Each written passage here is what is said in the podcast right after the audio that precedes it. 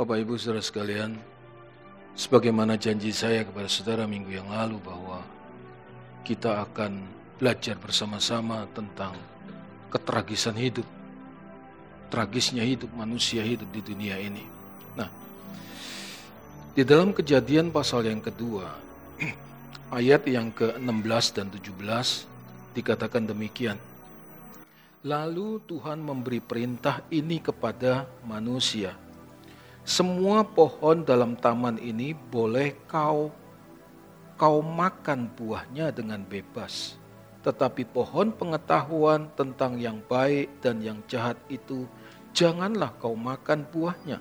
Sebab pada hari engkau memakannya, pastilah engkau mati. Sebab pada hari engkau memakannya, dengan jelas Elohim Yahweh mengatakan, engkau akan mati. Bapak, ibu, saudara sekalian, peringatan ini adalah peringatan yang disampaikan oleh Elohim Yahweh kepada Adam pada waktu itu, di mana ketika mereka melanggar perintah Tuhan, yaitu makan buah pohon pengetahuan tentang yang baik dan yang jahat, maka mereka pasti mati dengar baik, pasti mati, saudara. Sebenarnya perkataan ini adalah perkataan yang mengerikan. Karena kata-kata pasti mati ketika Elohim Yahweh mengatakan pasti ditepati. Saudara. Tidak mungkin tidak ditepati. Nah, makan buah pengetahuan yang baik dan yang jahat maksudnya adalah terus-menerus mengkonsumsi atau menyerap sesuatu yang bukan berasal dari Tuhan dalam pikiran mereka. Itulah yang disebut dengan makan buah pengetahuan yang baik dan yang jahat. Terus menerus mengkonsumsi sesuatu yang bukan berasal dari Tuhan dan dimasukkan dalam pikiran mereka. Jadi ketika Adam dan Hawa melanggar perintah Tuhan, maka artinya mereka sedang menyerap sesuatu yang bukan dari Tuhan.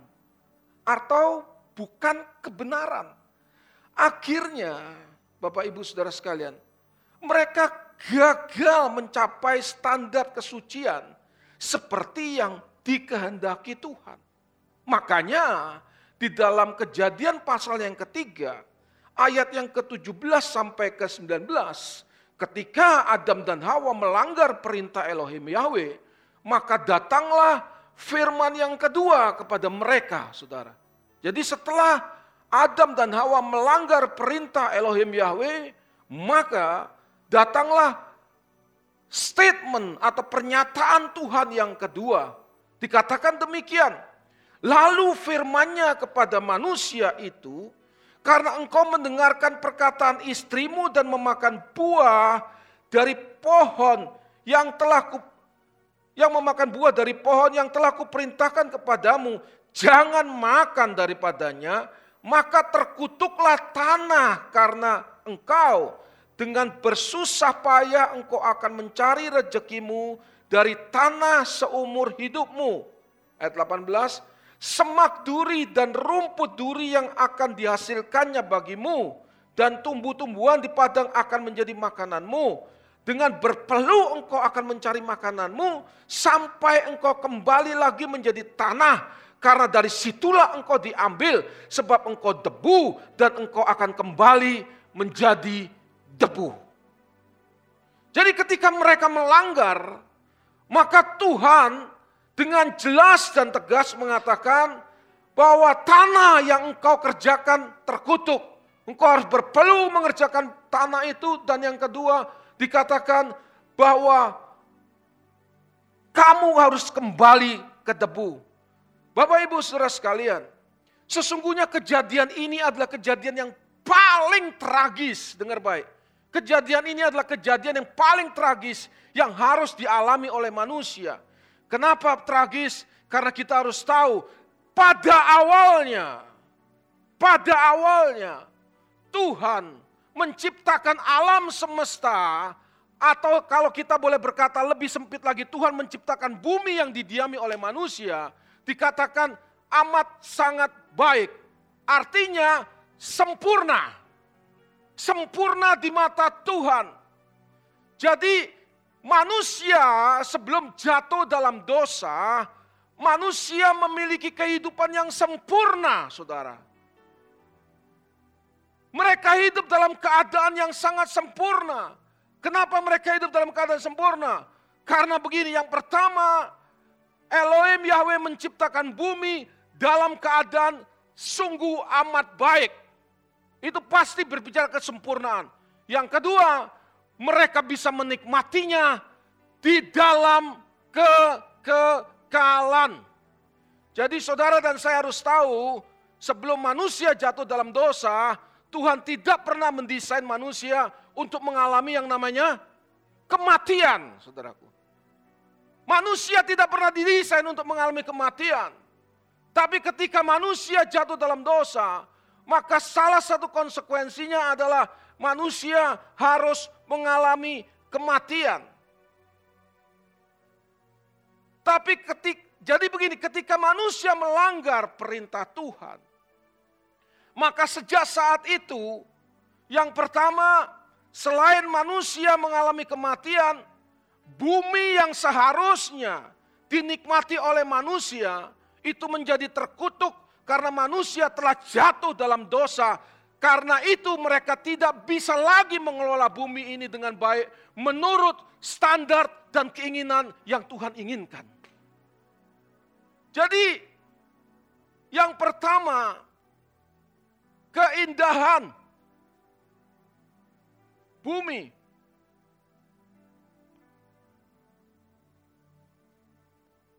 yang sesungguhnya diberikan Elohim Yahweh kepada manusia, itu sudah tidak menjadi bisa indah lagi menurut standar yang Tuhan inginkan.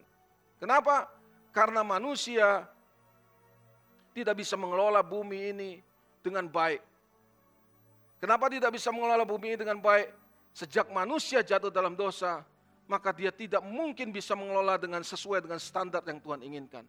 Keindahan bumi ini menjadi sirna. Tapi yang tidak kalah tragisnya adalah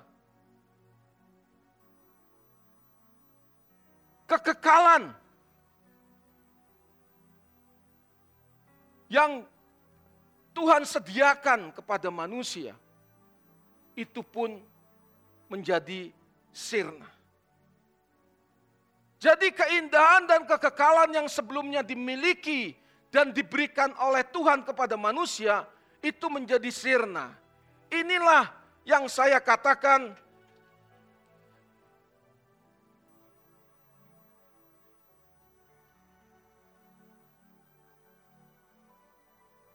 tragis.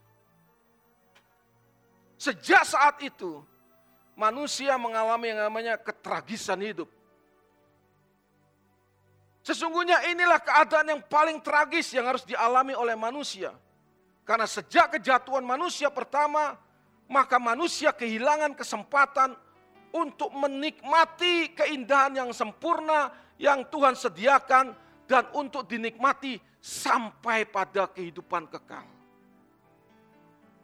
Kalau seseorang dicelikkan pikirannya oleh kebenaran, maka ia bisa melihat ketragisan ini, saudaraku. Kenapa? Karena selain manusia sudah tidak bisa melihat, mengalami keindahan. Bumi yang Elohim Yahweh ciptakan diberikan untuk manusia. Yang kedua, manusia usianya terbatas. Bapak, Ibu, Saudara sekalian. Selama kehidupan yang dijalani oleh manusia ada ujung akhirnya Sesungguhnya itulah yang dinamakan tragis. Itu yang dinamakan tragis. Manusia boleh hidup 100 tahun. Mungkin saudara ingin berkata seribu tahun. Satu juta tahun. Tapi selama ada ujung akhir usia manusia. Maka itu yang disebut sebagai ketragisan. Kenapa? Karena manusia harus dipaksa oleh keadaan untuk terpisah terpisah selama-lamanya dari orang yang ia kasihi. Itulah ketragisan. Jadi saudara siap atau tidak? Setuju atau tidak? Suatu hari nanti saudara akan dipaksa oleh keadaan untuk terpisah dari orang-orang yang saudara kasih. Entah itu pasangan hidup, entah itu anak, entah itu orang tua. Kita pasti terpisah. Kita pasti dipisahkan. Jadi hidup di bumi, di mana bumi makin rusak, saya ulangi, dan ada batas umurnya, ada batas waktunya. Itu sebenarnya adalah sebuah ketragisan. Persoalannya tidak banyak orang menyadari dan menghayati ketragisan ini. Walaupun secara nalar dan logika, banyak orang tahu bahwa hidup ini singkat, tapi mereka tidak mampu menghayati ketragisan yang sedang dialaminya. Tidak mampu. Pertanyaannya adalah, mengapa banyak orang tidak mampu menghayati ketragisan hidup? yang dia jalani di bumi ini. Ada dua alasan. Yang pertama, karena banyak orang percaya tidak memiliki yang namanya pemahaman yang memadai akan kebenaran. Firman yang terus-menerus disampaikan di balik mimbar, Tuhan memberkati saudara, Tuhan mengangkat saudara jadi kepala dan tidak pernah jadi ekor. Terus mengkais-kais apa yang dunia sediakan, padahal sudah hampir mati, masih mengkais-kais. Padahal sebentar lagi dia harus mempertanggungjawabkan hidupnya di hadapan Tuhan. Tidak sadar. Ironisnya gereja yang mengajarkan kesesatan itu, saudara. Tidak punya pemahaman yang memadai akan kebenaran. Oleh karena saudara dan saya ada di tempat ini, kita belajar bersama-sama akan kebenaran supaya ketika kita memiliki pemahaman yang memadai, kita bisa memiliki potensi untuk makin mengenal Tuhan dengan benar. Katakan amin. Selama seseorang tidak punya pemahaman yang memadai akan kebenaran, dia tidak mungkin bisa mengenal Tuhan dengan cara yang benar. Tuhan yang dikenal selama ini hanyalah Tuhan yang ada di dalam fantasinya, saudara. Tuhan yang ada di dalam fantasinya. Kedua, mengapa manusia tidak bisa menghayati ketragisan hidup? Kedua, jawabannya karena manusia sudah terlanjur memiliki cita rasa dunia. Cita rasa dunia. Selalu saya ulang-ulang Cita rasa kalau sudah melekat di dalam diri seseorang, itu sulit, sulit untuk diputuskan, untuk ditinggalkan. Betul Bapak Ibu? Selalu saya katakan begini, kalau orang Manado biasanya suka makanan pedas. Kalau dia tidak makan makanan pedas, dia serasa belum makan. Belum makan. Ya. Kalau seseorang terbiasa merasa saya bisa hidup kalau saya makan nasi. Maka kalau dia belum makan nasi, dia merasa belum hidup. Padahal tanpa makan nasi pun manusia hidup. Sebenarnya. Ya. Nah, jadi cita rasa itu sulit untuk dilepaskan. Semakin usia seseorang semakin bertambah, semakin ia melekat dengan cita rasa dunia, saudaraku. Sehingga apa yang terjadi hidupnya makin dibelenggu dengan berbagai macam obsesi, cita-cita, keinginan untuk meraih sebanyak-banyaknya apa yang dunia ini sediakan demi mengejar apa yang selama ini dianggap sebagai sebuah kebahagiaan.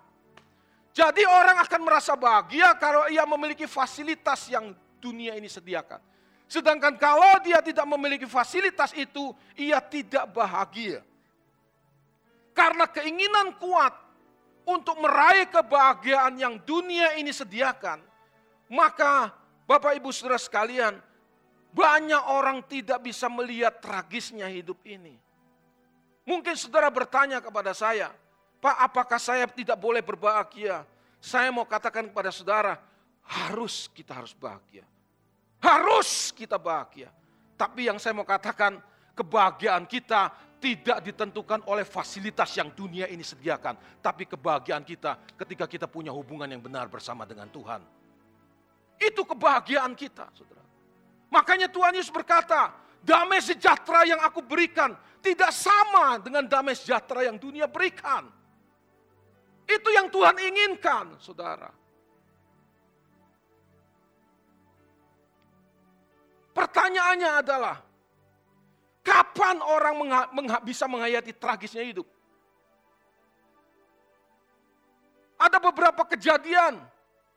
Ketika orang mengalami kejadian itu, maka ia akan menghayati betapa tragisnya hidup meskipun ia belum dicelikkan oleh kebenaran. Meskipun belum dicelikkan oleh kebenaran, dia bisa memahami ketragisan itu ketika ia mengalami peristiwa-peristiwa tersebut.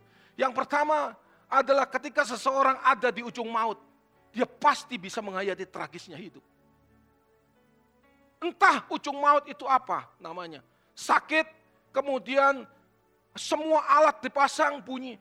Tit, tit, tit, tit. Dia bisa menghayati.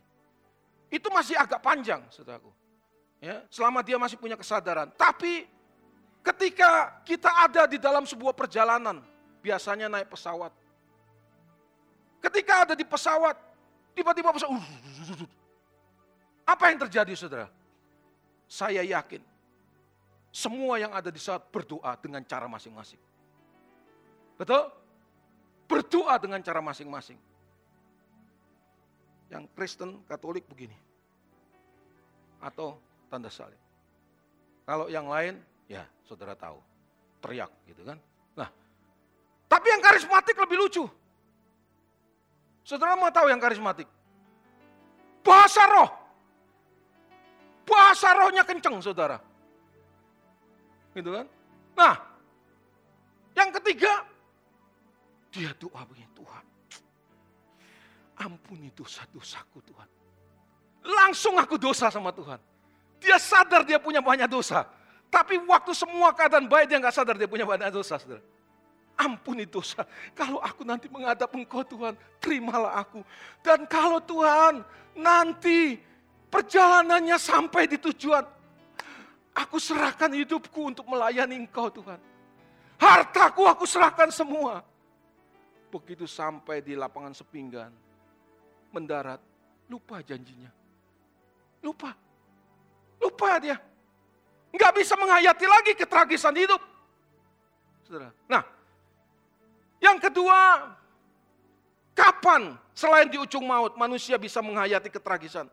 Waktu seseorang ditinggal oleh orang yang paling ia cintai. Jadi ketika suami istri punya hubungan yang baik puluhan tahun, ya terus berjalan, mungkin sudah 50 tahun usia pernikahan. Wah kalau salah satu meninggal, itu luar biasa sakitnya. Mungkin dia sudah tidak bisa mengeluarkan air mata, tapi dia cuma diam, tertegun. Hari-hari setelah itu yang dia jalani begitu sepi dan mencekam. Dia mulai merasakan tragisnya itu. Dan biasanya kalau sebuah hubungan baik seperti ini suami istri, wah satu meninggal nggak lama akan diikuti oleh pasangannya, pasti itu. Tapi kalau nggak ada hubungan baik, kawin lagi sudah kawin lagi. Ya kan? Dia malah bersyukur, syukur alhamdulillah. Gitu. Saya bisa kawin lagi gitu. Nah sekarang reaksinya terserah bagaimana. Nah, yang ketiga, ketika orang ada di puncak kejayaan, kemudian dia jatuh miskin, kin, kin, kin. Gitu. Jadi bukan cuma jatuh miskin, jatuh miskin dia tahu bahwa tragis itu. Yang keempat, waktu alami sakit dan tidak ada obatnya. Maka orang akan menyadari betapa tragisnya hidup ini. Dan yang berikutnya, biasanya ketika seseorang mengalami yang namanya perlakuan tidak adil. Terus menerus ditekan, disalahkan. Ya kan? Wah, dia akan merasa diperlakukan tidak adil. Dia akan merasa betapa tragisnya hidup ini. Jadi ketika seseorang mengalami peristiwa-peristiwa tersebut, maka ia pasti bisa menghayati yang namanya tragisnya hidup. Tapi saya mau kasih tahu kepada saudara, seharusnya kita tidak perlu mengalami peristiwa itu baru kita baru bisa menghayati tragisnya itu. Tapi kalau kita mengerti kebenaran, kita bisa menghayati betapa tragisnya hidup di dunia ini. Ketika kita mulai menyadari tragisnya hidup, maka pengharapan kita hanya kita arahkan pada langit baru, bumi baru yang Tuhan sediakan buat kita. Bukan di dunia ini, saudara. Jadi kalau saudara bertanya kepada saya, maksud Bapak ngomong ini apa? Membuat kami jadi apatis, takut di dunia. No, tapi justru mengarahkan pengharapan kita. Bukan mencari bahagia di dunia ini, tapi kita mencari bahagia di langit baru, bumi baru yang Tuhan sediakan bagi kita. Berikan tepuk tangan yang meriah buat Tuhan. Takkan ku harap lagi bahagia dunia ini. Semua belaga. Tuhan dan kerajaanmu itu segenap hidupku sekarang dan selamanya. Takkan takkan. Mari jemaat menyanyikan lagu ini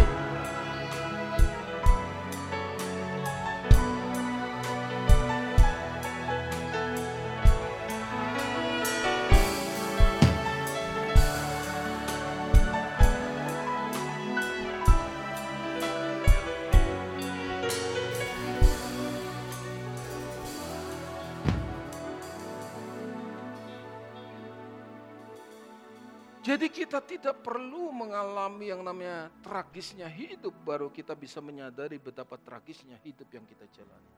Tapi kalau kita mengerti kebenaran, memahami kebenaran, kita memiliki pemahaman yang cukup akan kebenaran, maka kita akan mengalami perubahan cita rasa. Sehingga kita tidak lagi terobsesi mengejar kesenangan dan keindahan yang dunia ini tawarkan. Tidak lagi mengejar obsesi, saudara.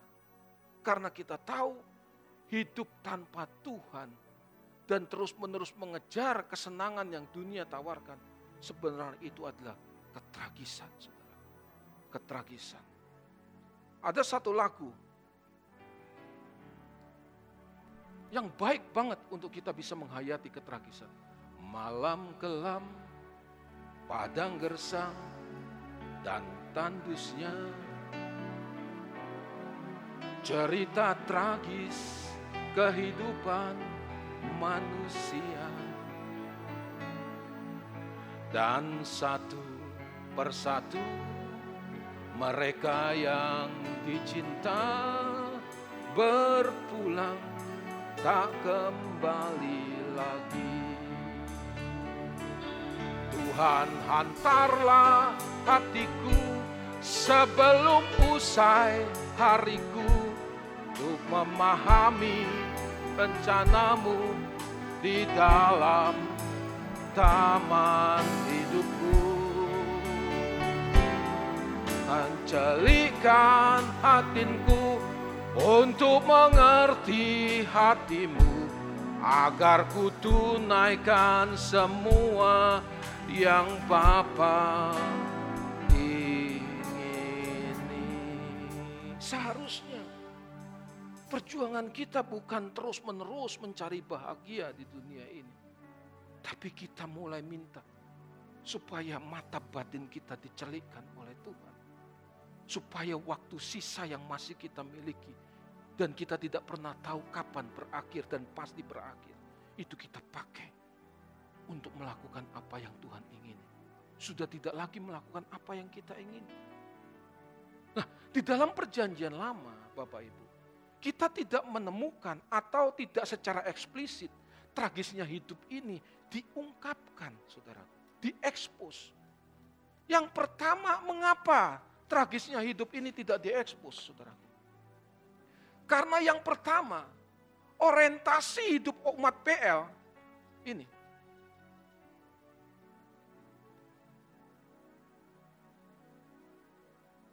PL itu dunia. Orientasinya dunia.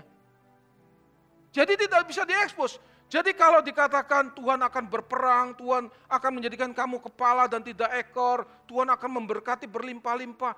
Itu adalah orientasi hidup cuma umat perjanjian lama. Jadi kalau ayat-ayat firman Tuhan diambil, dicomot, pengkhotbah mengajarkan ayat-ayat firman Tuhan dari perjanjian lama tanpa melihat konteksnya, maka itu adalah sumber kesesatan buat orang percaya. Karena sejak perjanjian baru kedatangan Yesus, manusia yang mengikuti Tuhan Yesus sudah tidak boleh, tidak boleh mengarahkan hidupnya kepada dunia ini. Karena dunia ini akan sirna, dunia ini akan binasa, dan Tuhan sediakan buat kita langit baru, bumi baru, di mana kita akan menikmati di dalam kekekalan bersama dengan Tuhan. Berikan tepuk tangan yang meriah buat Tuhan. Kita akan nikmati langit baru, bumi baru. Jadi yang semula Tuhan ciptakan untuk dinikmati oleh manusia sebelum manusia jatuh dalam dosa, itu akan diulangi lagi. Keindahan dan kekekalan akan diulangi lagi. Kalau kita tahu ini, kita akan berjuang serius di dunia ini. Amin. Kalau kita tidak tahu, kita pikir satu-satunya kesempatan menikmati hidup hanya dunia ini. Makanya kalau yang diajarkan perjanjian lama terus-menerus, bukan Injil yang Tuhan Yesus ajarkan, maka pasti orientasi hidup orang percaya dunia pasti. Padahal dunia ini betapa tragisnya, saudara. Jadi orang-orang yang orientasi hidup di dunia ini adalah tanah yang berlimpah susu madu, kejayaan dan kemuliaan lahiriah seperti yang dialami oleh bangsa Israel dalam pemerintahan Raja Daud. Makanya menjelang Yesus naik mereka cuma tanya satu, kapan engkau memulihkan kerajaan bagi Israel? Karena mereka masih menginginkan kejayaan lahiriah. Padahal mereka sudah hidup dalam perjanjian baru sudah ditebus oleh Tuhan Yesus. Sedang dan akan ditebus oleh Tuhan Yesus maksud saya. Eh sudah, sudah ditebus. Karena Tuhan Yesus mau naik ke surga. Sudah ditebus. Yang kedua,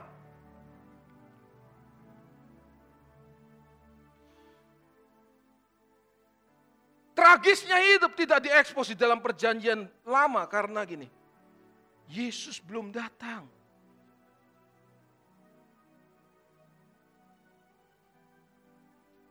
Karena Yesus belum datang, maka begini saudara. Belum ada solusi.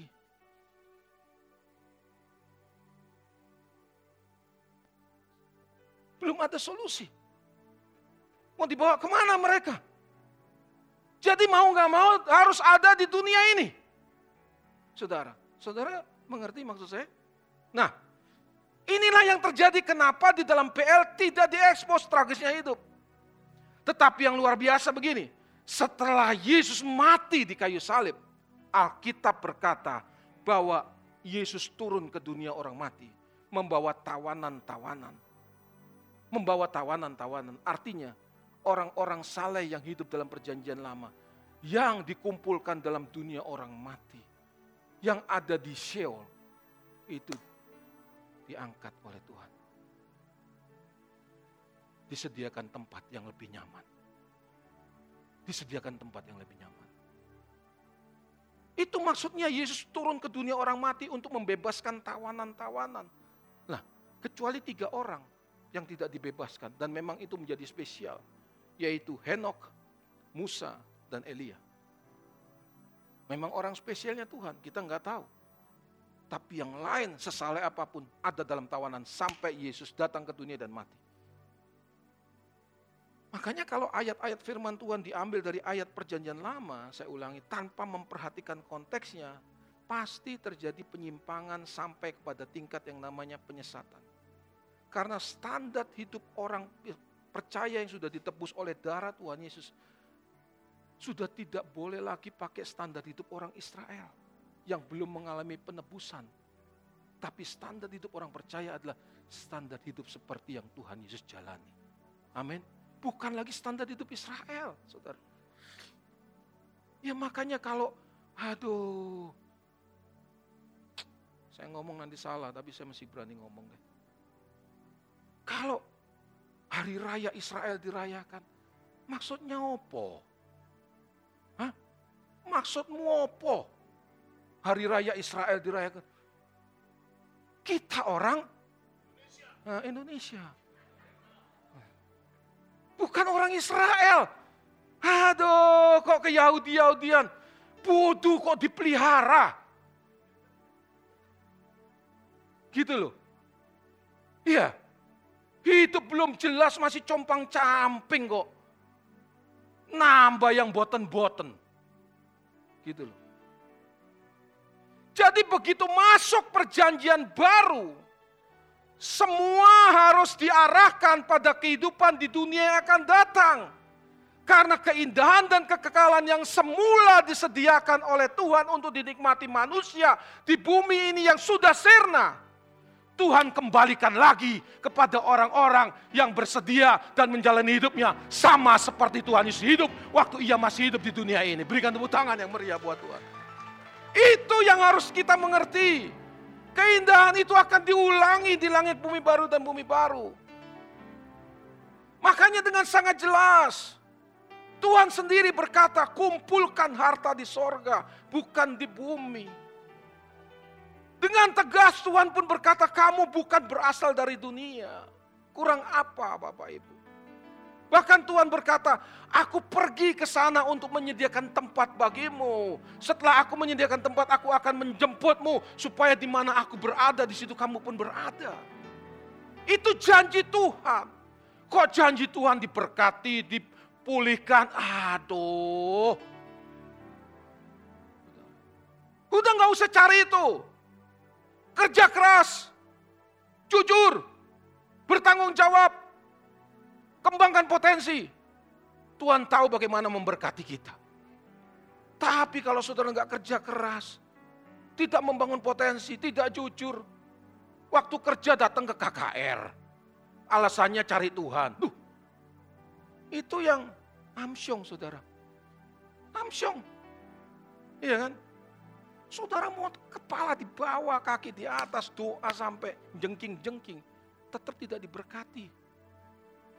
Kalau saudara nggak jujur, kalau saudara nggak berjuang, nggak merasa memiliki perusahaan di mana tempat saudara bekerja, nggak bisa saudara, nggak bisa, nggak bisa. Bahkan Paulus pun mengulanginya.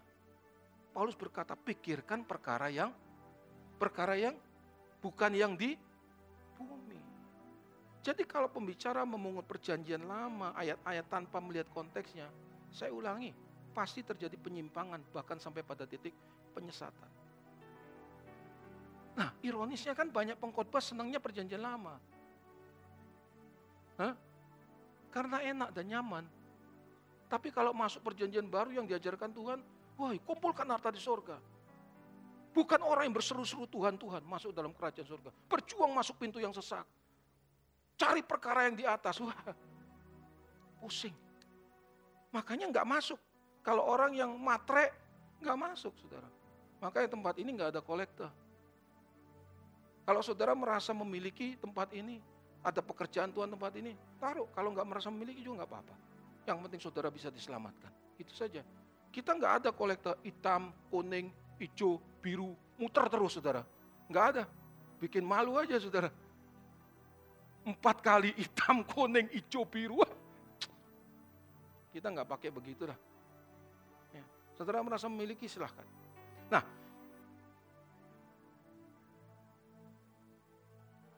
jadi kalau terus menerus yang diajarkan ayat-ayat perjanjian lama, maka membuat orang percaya menjadi duniawi.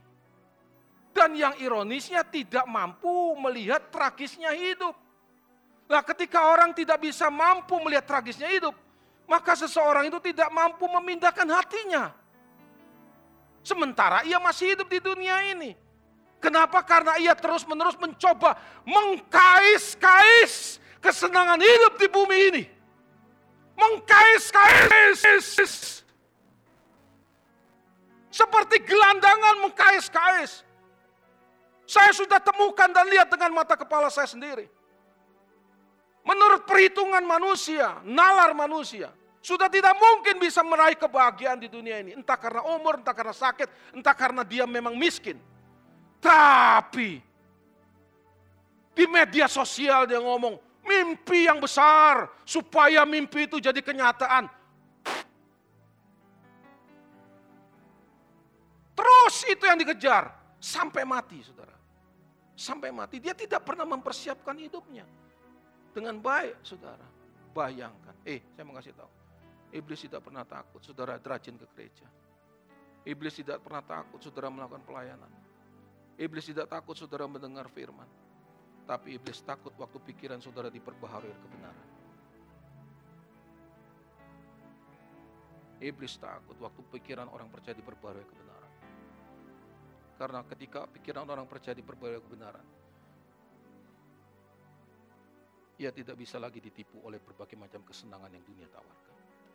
Karena hatinya perlahan tapi pasti sudah mulai berpindah dari dunia ini kepada kerajaan sorga. Sementara ia masih menjalani hidup di dunia ini. Itu yang luar biasa. Dia sudah tidak dipengaruhi. Entah dia kaya, entah dia miskin, enggak dipengaruhi. Karena semua hidupnya diarahkan pada langit baru dan bumi baru yang Tuhan sediakan. Jadi umat perjanjian baru harus menyadari bahwa ia bukan berasal dari dunia ini. Alkitab jelas katakan. Bahkan ditegaskan kewarganegaraan bukan kewarganegaraan dunia. Tuhan sedang menyediakan tempat bagimu di sorga. Itu jelas. Nah, masalahnya meskipun secara nalar kita setuju, banyak orang Kristen bahkan yang sudah mendengar ayat kebenaran-kebenaran seperti tahunan tidak sanggup menghayati dan menghidupi. Kenapa? Karena irama hidupnya sudah terlalu lama salah. Irama hidupnya selalu terlalu lama salah sehingga jadi permanen. Saudara. Kita kan tahu. Kalau kita makan terus menerus berlemak. Maka kolesterol, sebentar lagi jantung. Akhirnya mampet semua mati. Ya, kita tahu kan? Tahu nggak Bapak Ibu? Oi, pura-pura saudara nggak tahu. Tahu kan? Tapi masih aja makan yang seperti itu kan? Nggak sanggup kan? Itu berbicara tentang irama lidah. Baru irama lidah, belum irama hidup. Whole life, ini masih irama lidah, saudara. Sekalipun dokter internis, dokter ahli penyakit dalam, dia tahu makan manis-manis itu buat diabetes. Tapi dia nggak sanggup. Betapa sulitnya mengubah irama lidah saudara, yang sudah permanen. Apalagi irama jiwa. Di mana lidah itu salah satu di dalam jiwa. Ya. Jadi saudara, mohon maaf saya katakan tidak menjamin saudara ada di tempat ini otomatis saudara bisa berubah. Mungkin masih melekat saudara. Kuat bahkan. Dan masih ragu, benar enggak ini ajaran ini. Gitu kan. Masih ragu. Tapi saya mau katakan kepada saudara. Ketika saudara menjelang menghadap Tuhan, saudara pasti yakin ini pasti benar. Tapi sudah tidak kesempatan untuk membangun hidup dan memperbaiki diri. Manusia batin kita masih compang camping di hadapan Tuhan, saudara. Lebih baik percayalah. Ini bukan penipuan. Ini kebenaran. Kalau yang bicara tidak menghidupi, jangan percaya. Tapi kalau bicara yang bicara depan ini menghidupi, saudara harus percaya. Saudara. Seharusnya saudara percaya. Kalau nggak percaya mau percaya kepada siapa lagi, saudara? Hah? Saya mau tanya kepada saudara, kalau saudara nggak percaya kebenaran yang begini mau percaya kepada siapa lagi? Apalagi yang saudara mau cari? Nah, ini yang luar biasa. Satu Petrus pasal yang pertama, ayat yang ketiga dan keempat. Ini yang membuat kita bergairah. Ini yang membuat kita bergairah. Kita masuk pada suatu pemahaman yang benar akan menjalani hidup ini. Terpujilah Elohim dan Bapa Tuhan kita Yesus Kristus. Yang karena rahmatnya yang besar telah melahirkan kita kembali oleh kebangkitan Yesus Kristus dari antara orang mati kepada satu hidup yang penuh pengharapan Garis bawahi kata-kata kepada satu hidup yang penuh pengharapan. Untuk menerima satu bagian yang tidak dapat binasa, yang tidak dapat cemar, dan yang tidak dapat layu, yang tersimpan. Di mana? Di bumi? Di sorga. Bagi kamu. Jadi begini Bapak Ibu. Dulu kita baca begini ayat ini mati. Betul? Tapi begitu kita baca mulai dibukakan kebenaran, Jangankan setiap kalimat, setiap kata itu jadi hidup, saudara. Kita baca, itu hebatnya kita belajar kebenaran. Makanya saudara, kalau ada kelas pengajaran, jangan di rumah. Datang, cari, karena itu menjadi hidup. Jadi hidup. Saudara, jadi hidup. Kita makin mengerti setiap ayat, setiap kata-kata itu jadi hidup. Nah, ayat ini menjelaskan oleh kebangkitan Yesus dari orang mati. Oleh kebangkitan Yesus dari orang mati. Maka kita, dengar baik, dilahirkan dari kematian untuk memperoleh hidup yang penuh pengharapan, yaitu hidup bersama dengan Tuhan Yesus di kekekalan. Itu maksudnya. Saya ulangi, karena Yesus mati dan bangkit dari orang mati, maka kita pun ikut dilahirkan dari kematian. Dari bawah kata-kata dilahirkan dari kematian untuk menerima hidup yang penuh pengharapan, yaitu hidup bersama dengan Tuhan Yesus di dalam kekekalan. Perhatikan, kapan kita mati? Maksud saya kapan manusia mati? Kita lihat dulu waktu pertama kali manusia pertama jatuh dalam dosa. Waktu Adam melanggar perintah Tuhan, maka Tuhan katakan, kamu pasti mati. Tapi pada kenyataan dengan kasat mata kita tidak lihat bahwa ia langsung fisiknya tidak langsung mati. Tidak langsung mati.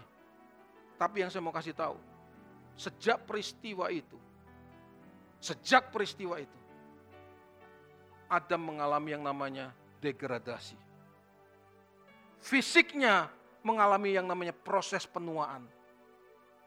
Sampai menuju kepada kematian.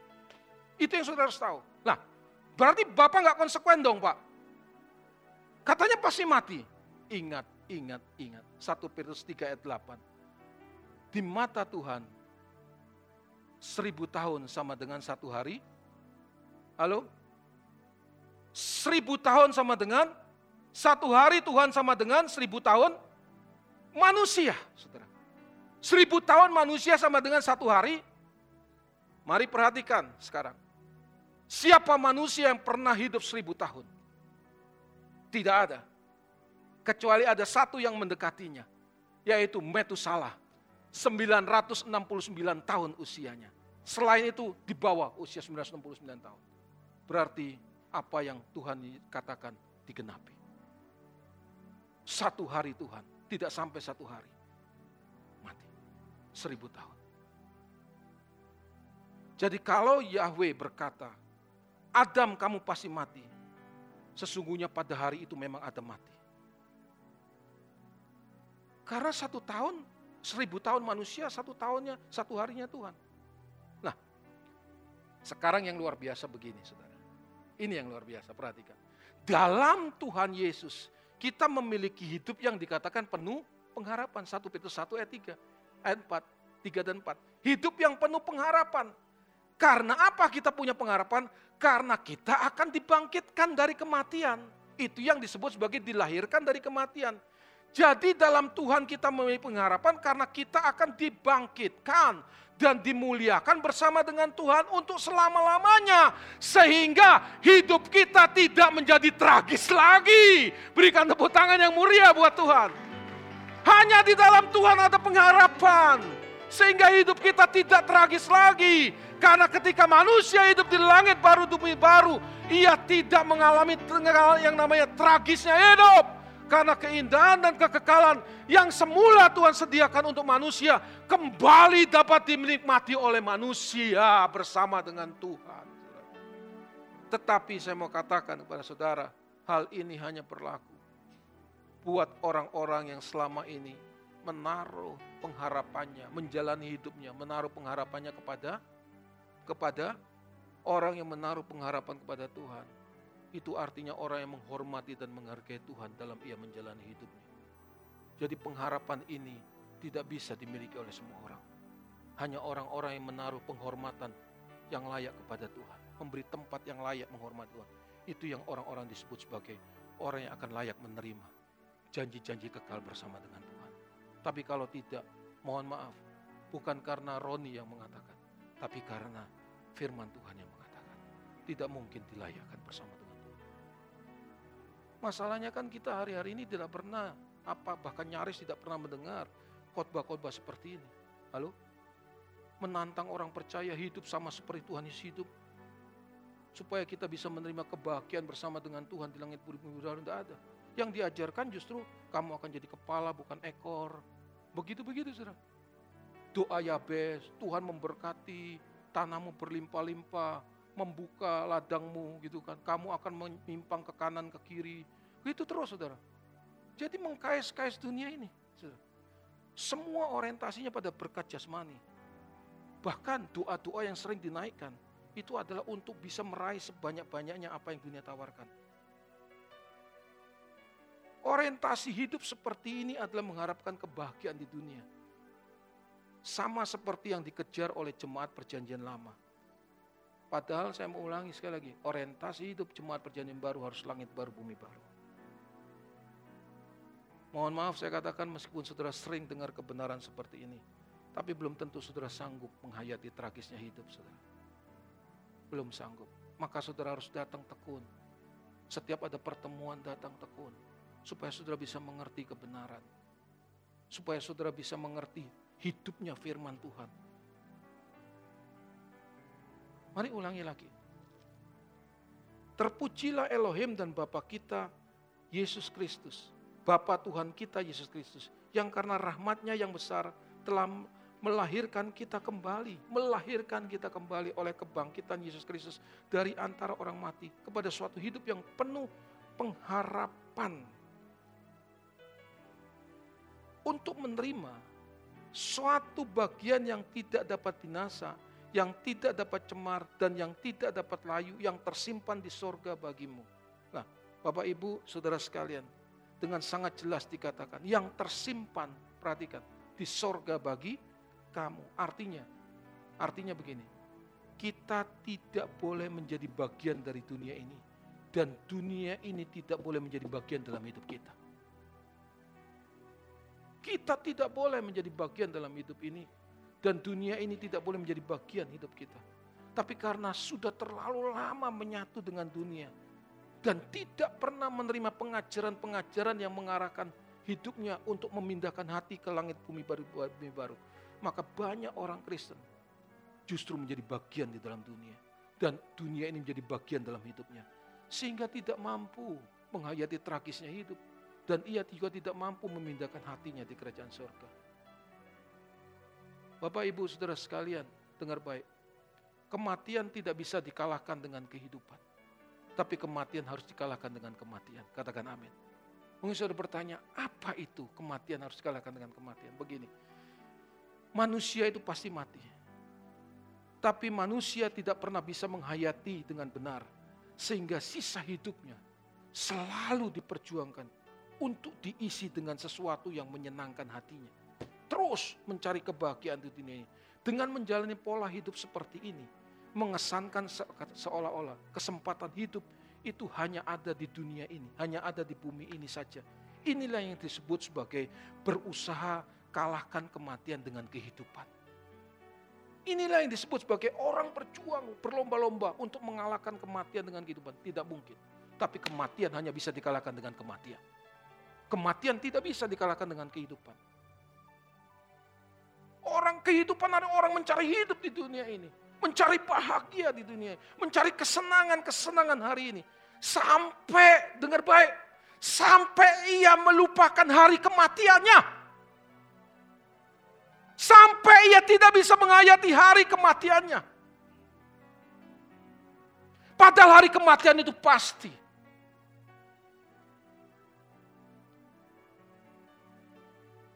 Dengan terus terus mencari kehidupan di dunia ini, maka orang akan menunda untuk memperbaiki diri. Karena ia terus makin masih merasa masih punya waktu, waktu yang cukup Padahal tidak ada seorang pun yang bisa tahu kapan manusia itu berakhir, saudara. Makanya ada baiknya kadangkala saudara merenungkan hari kematian saudara.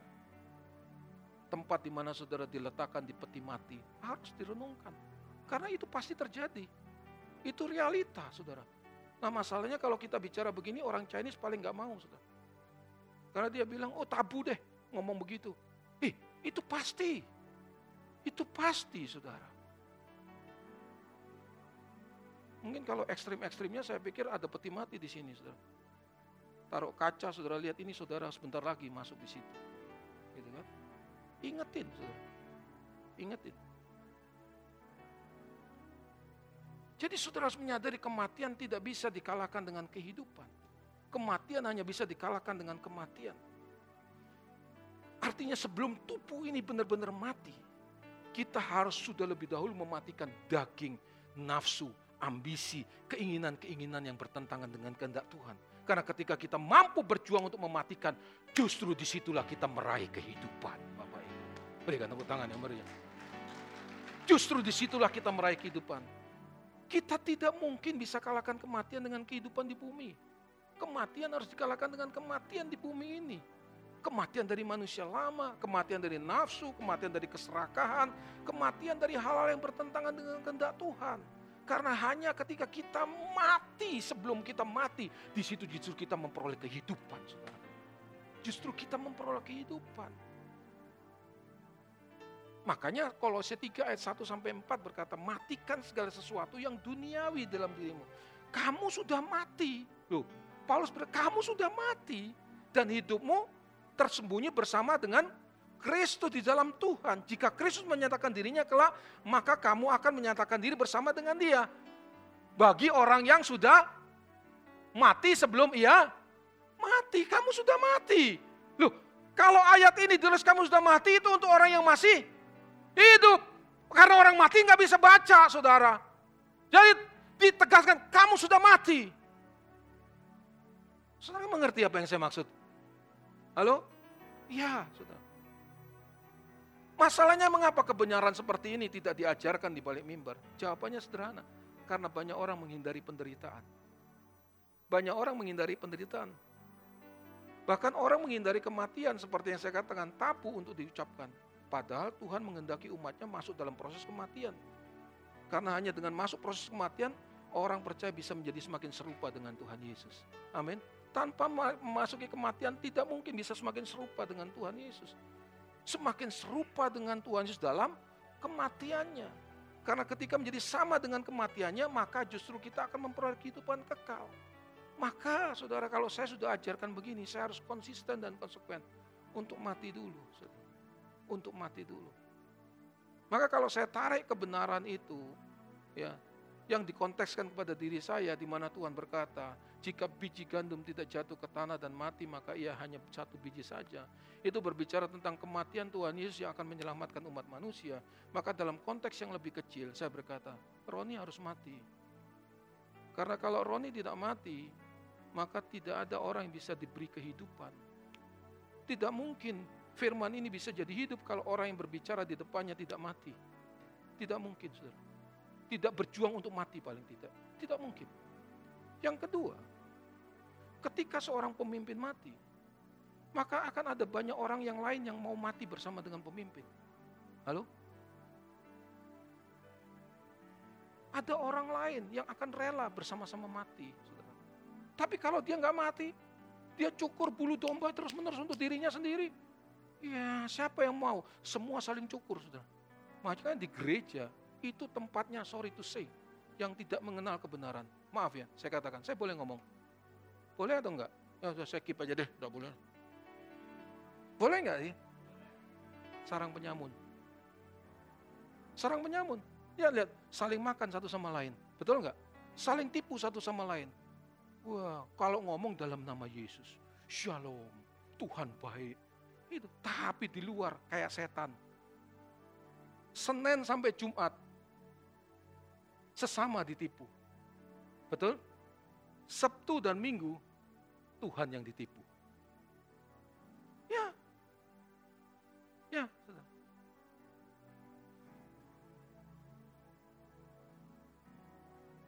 Jadi kalau saudara ada di tempat ini, saya mau katakan, hal itu berarti saudara berada di tempat yang tepat untuk menerima kebenaran dan untuk bisa memiliki hidup kekal bersama dengan Tuhan.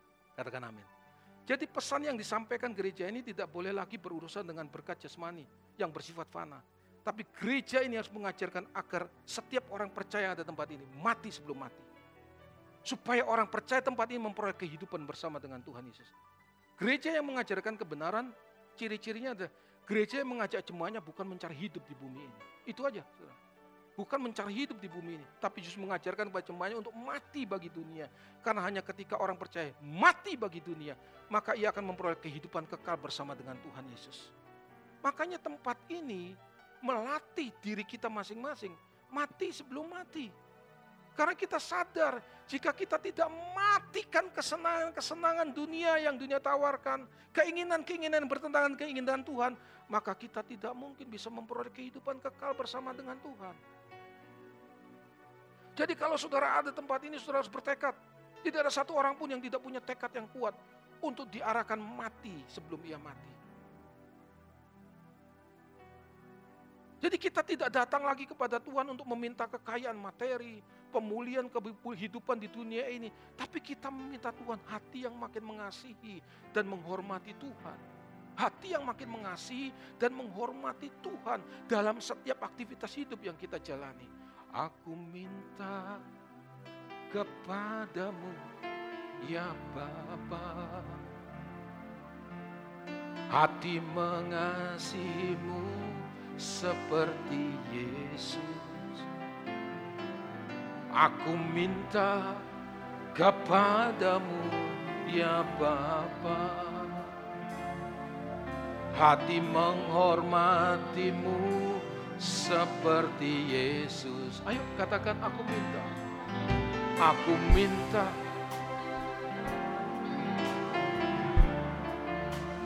hati mengasihimu hati mengasihimu seperti Yesus. Aku minta. Mari semua nyanyikan lagu ini dengan sungguh, dengan penuh penghayatan. Hormatimu seperti Yesus. Beriku hati, beriku hati seperti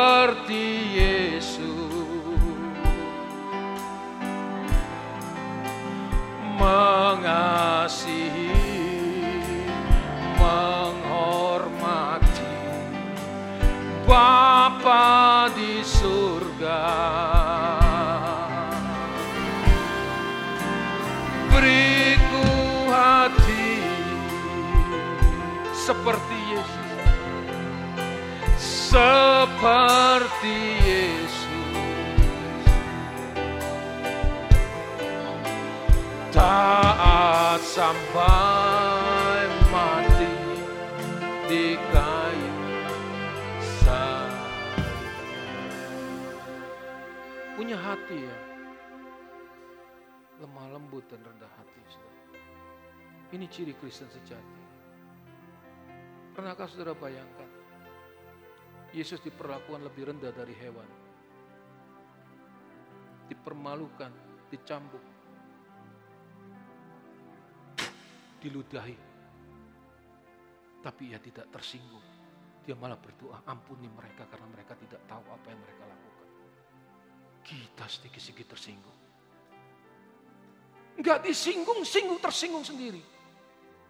Ya, wah ini jauh Jauh warga kerajaan sorga. Jauh orang begini. Tersinggung, marah. gitu. Kita harus minta hati. Seperti hatinya Tuhan Yesus. Bapak Ibu harus tahu. Ketika Abraham, kita memperhatikan hidup Abraham. Sesungguhnya Abraham itu kartu mati, saudara bagi anggota keluarganya dan masyarakat di sekitarnya. Kartu mati. Abraham kartu mati. Ibrani pasal yang ke-11 ayat yang ke-8 mengatakan demikian. Karena iman Abraham taat ketika ia dipanggil untuk berangkat ke negeri yang akan diterimanya menjadi milik pusakanya. Lalu ia berangkat dengan tidak mengetahui tempat yang ia tujui. Itu kartu mati. Pergi ke tempat yang ia tidak pernah tahu tempatnya mana. Itu kartu mati. Yang luar biasa ketika ia diminta untuk keluar, negeri itu adalah negeri yang luar biasa maju peradabannya. Urkastim tempat kota kelahiran. Abraham itu kota yang maju. Tapi karena iman, Artinya karena penurutannya terhadap apa yang Tuhan kehendaki. Abraham taat ketika ia dipanggil untuk berangkat. Berangkat dari mana? Dari Ur Kasim ke negeri yang akan diterimanya menjadi pusakanya. Lalu ia berangkat dengan tidak mengetahui tempat yang ia tuju. Jadi kota itu adalah kota yang metropolis. Arkeologi menunjukkan ketika digali Ditunjukkan bahwa kota itu kota yang luar biasa maju peradabannya. Subur, penuh dengan penuh dengan wah kerajinan-kerajinan lempeng-lempeng. Peradabannya sangat maju. Sudah ada tulisan-tulisan sastra. Ada perpustakaan di tempat itu ada tembikar-tembikar, ada rumah permanen, saudara. Jadi betapa majunya kota itu. Betapa majunya kota itu. Tapi yang luar biasa, Abraham ketika diperintahkan oleh Elohim untuk keluar, ia keluar. Meskipun ia tidak tahu ke mana tempat yang harus ia tuju. Betapa tindakan ini adalah tindakan yang bodoh bagi orang sekitarnya. Jadi ketika Abraham mau keluar, ia ditanya, kamu mau ke mana? Bro, nggak tahu. Itu pasti dia jawab. Masa dia mau ngomong ke kampung timur? Nggak tahu, saudara. Mau ke mana bro? Nggak tahu. Wah. Dan ketika Abraham melangkahkan kaki keluar dari daerahnya, itu ada tempat yang tandus padang belantara, saudaraku. Kalau dia harus pergi, seharusnya menurut nalar, dia harus pergi paling tidak ke tempat yang hampir mirip sama peradabannya dengan yang dia hidupi di Ur Kasdim, yaitu paling tidak ke Mesir. Karena peradaban Mesir sudah maju pada waktu itu. Tapi dia tidak pergi ke Mesir. Hal itu terbukti ketika Lot keponakannya ditawan oleh Raja Kedor Laomer. Ia berperang untuk membebaskan Lot. Ia setelah mengalahkan kota Sodom, Gomora, sebelum dihancurkan oleh Tuhan, dia pergi untuk mengalahkan Raja Kedorlaomer. Jadi kalau ditanya begini, apa dasarnya kamu pergi? Pasti dia ngomong gini, percaya. Lu percaya kepada siapa? Percaya kepada siapa? Karena pada waktu itu seluruh masyarakat sekitarnya penyembah Penyembah berhala, percaya kepada siapa? Saya katakan ini supaya sudah bisa menghayati betapa luar biasanya iman Abraham. Iman Abraham untuk menuruti Yahweh. Ia mempertaruhkan seluruh hidupnya.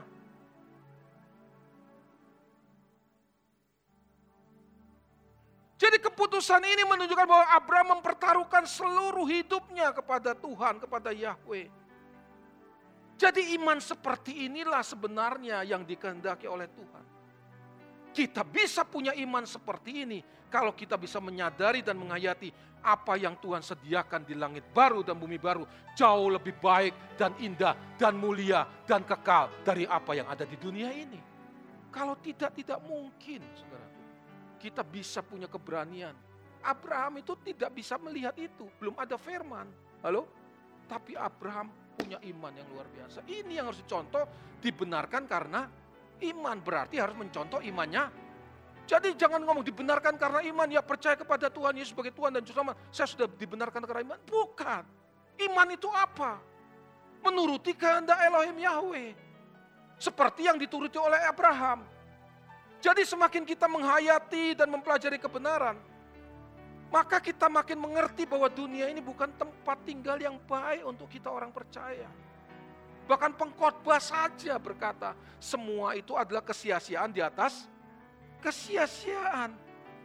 Tidak ada yang kita bisa harapkan di dunia ini. Tapi puji Tuhan melalui kebenaran yang kita pelajari, yang kita terima, maka kita memiliki sebuah pemahaman yang baru bahwa Tuhan menyediakan hidup yang lebih baik bagi kita, bagi orang-orang yang mau hidup sesuai dengan kehendaknya, saudara. Bagi orang yang mau hidup sesuai dengan kehendaknya. Jadi kalau kita katakan kita anak Abraham, kita harus mencontoh iman Abraham. Penurutannya terhadap kehendak Tuhan dan fokusnya kepada dunia akan datang. Pergi ke negeri yang akan yang dijanjikan oleh Tuhan. Dia tidak tahu negeri itu, tapi yang pasti negeri itu bukan negeri yang dibangun oleh manusia, tapi negeri itu adalah negeri yang dibangun oleh tangan Yahweh sendiri, yaitu langit baru dan bumi baru yang Tuhan sediakan buat orang-orang yang mau taat kepada Tuhan. Amin. Taat dan percaya. Jadi kita harus punya orientasi sebuah kehidupan di balik kubur. Kita nggak boleh lagi mengharapkan bahagia di dunia ini. Kalau kita terus-menerus memiliki sebuah hubungan yang dekat dengan Tuhan, maka kita bisa menikmati kebahagiaan tanpa ada fasilitas yang dunia ini berikan. Saudara. Percaya sama saya. Percaya sama saya. Mungkin saudara berkata kepada saya, tapi Abraham diberkati secara melimpah. Dan oleh karena iman Abraham, maka semua bangsa akan diberkati. Itu kan selalu modalnya firman di balik mimbar. Halo? Loh. Maka kita berhak menikmati kekayaan Abraham dong Pak. Eh, dengar baik. Kalau Tuhan berkata kepada Abraham bahwa olehmu semua bangsa akan diberkati. Itu bukan berkat jasmani Bapak Ibu. Itu bicara tentang dari keturunan Abraham akan lahir Mesias, juru selamat. Dan itulah yang disebut sebagai semua bangsa olehmu akan diberkati. Saudara, bukan jasmani. Yesus itulah yang menyebabkan semua bangsa diberkati. Jadi berkat Abraham nggak boleh digabungkan dengan berjasmani. Kalau kita justru perhatikan kehidupan yang dijalani Abraham, justru yang nggak peduli dengan berkat jasmani. Halo? Ia keluar dari negerinya kok. Yang kedua ia lawan keponakannya yang diangkat jadi bisa kaya raya, ia pun masih ngalah kok. Kamu ngomong ke kanan, aku ke kiri, kamu ke kiri, aku ke kanan. Dia nggak ngomong aku pamanmu, aku lebih tinggi satu ranking dari kamu. Aku yang membuat kamu bisa berhasil. Tidak, dia sudah nggak peduli dengan yang bernama kekayaan jasmani. Bahkan ketika Yahweh meminta anaknya yang tunggal, yang justru dijanjikan kepada dia, itu diberikan, itu berarti dia nyerahkan nyawa loh. Anak kan nyawa, saudara. Apalagi anak cuma satu. Betul? Oh itu nyawa, saudara. Nyawa. Nanti suatu hari saya akan bicara tentang kehilangan nyawa. Ya, uh, itu luar biasa. Saudara. Luar biasa. Nah, Bapak Ibu Saudara sekalian, memiliki prinsip itu seperti ini nggak mudah. Nggak mudah. Maka kita harus terus menerus datang ke Tuhan, punya hubungan yang erat dengan Tuhan, diisi oleh kebenaran. Kalau enggak, tetap matre. Tetap matre. Tetap matre. Jadi ikut Tuhan itu tidak bisa setengah-setengah, saudaraku. Tidak bisa setengah-setengah. Tidak bisa setengah-setengah. Jangan pernah puas.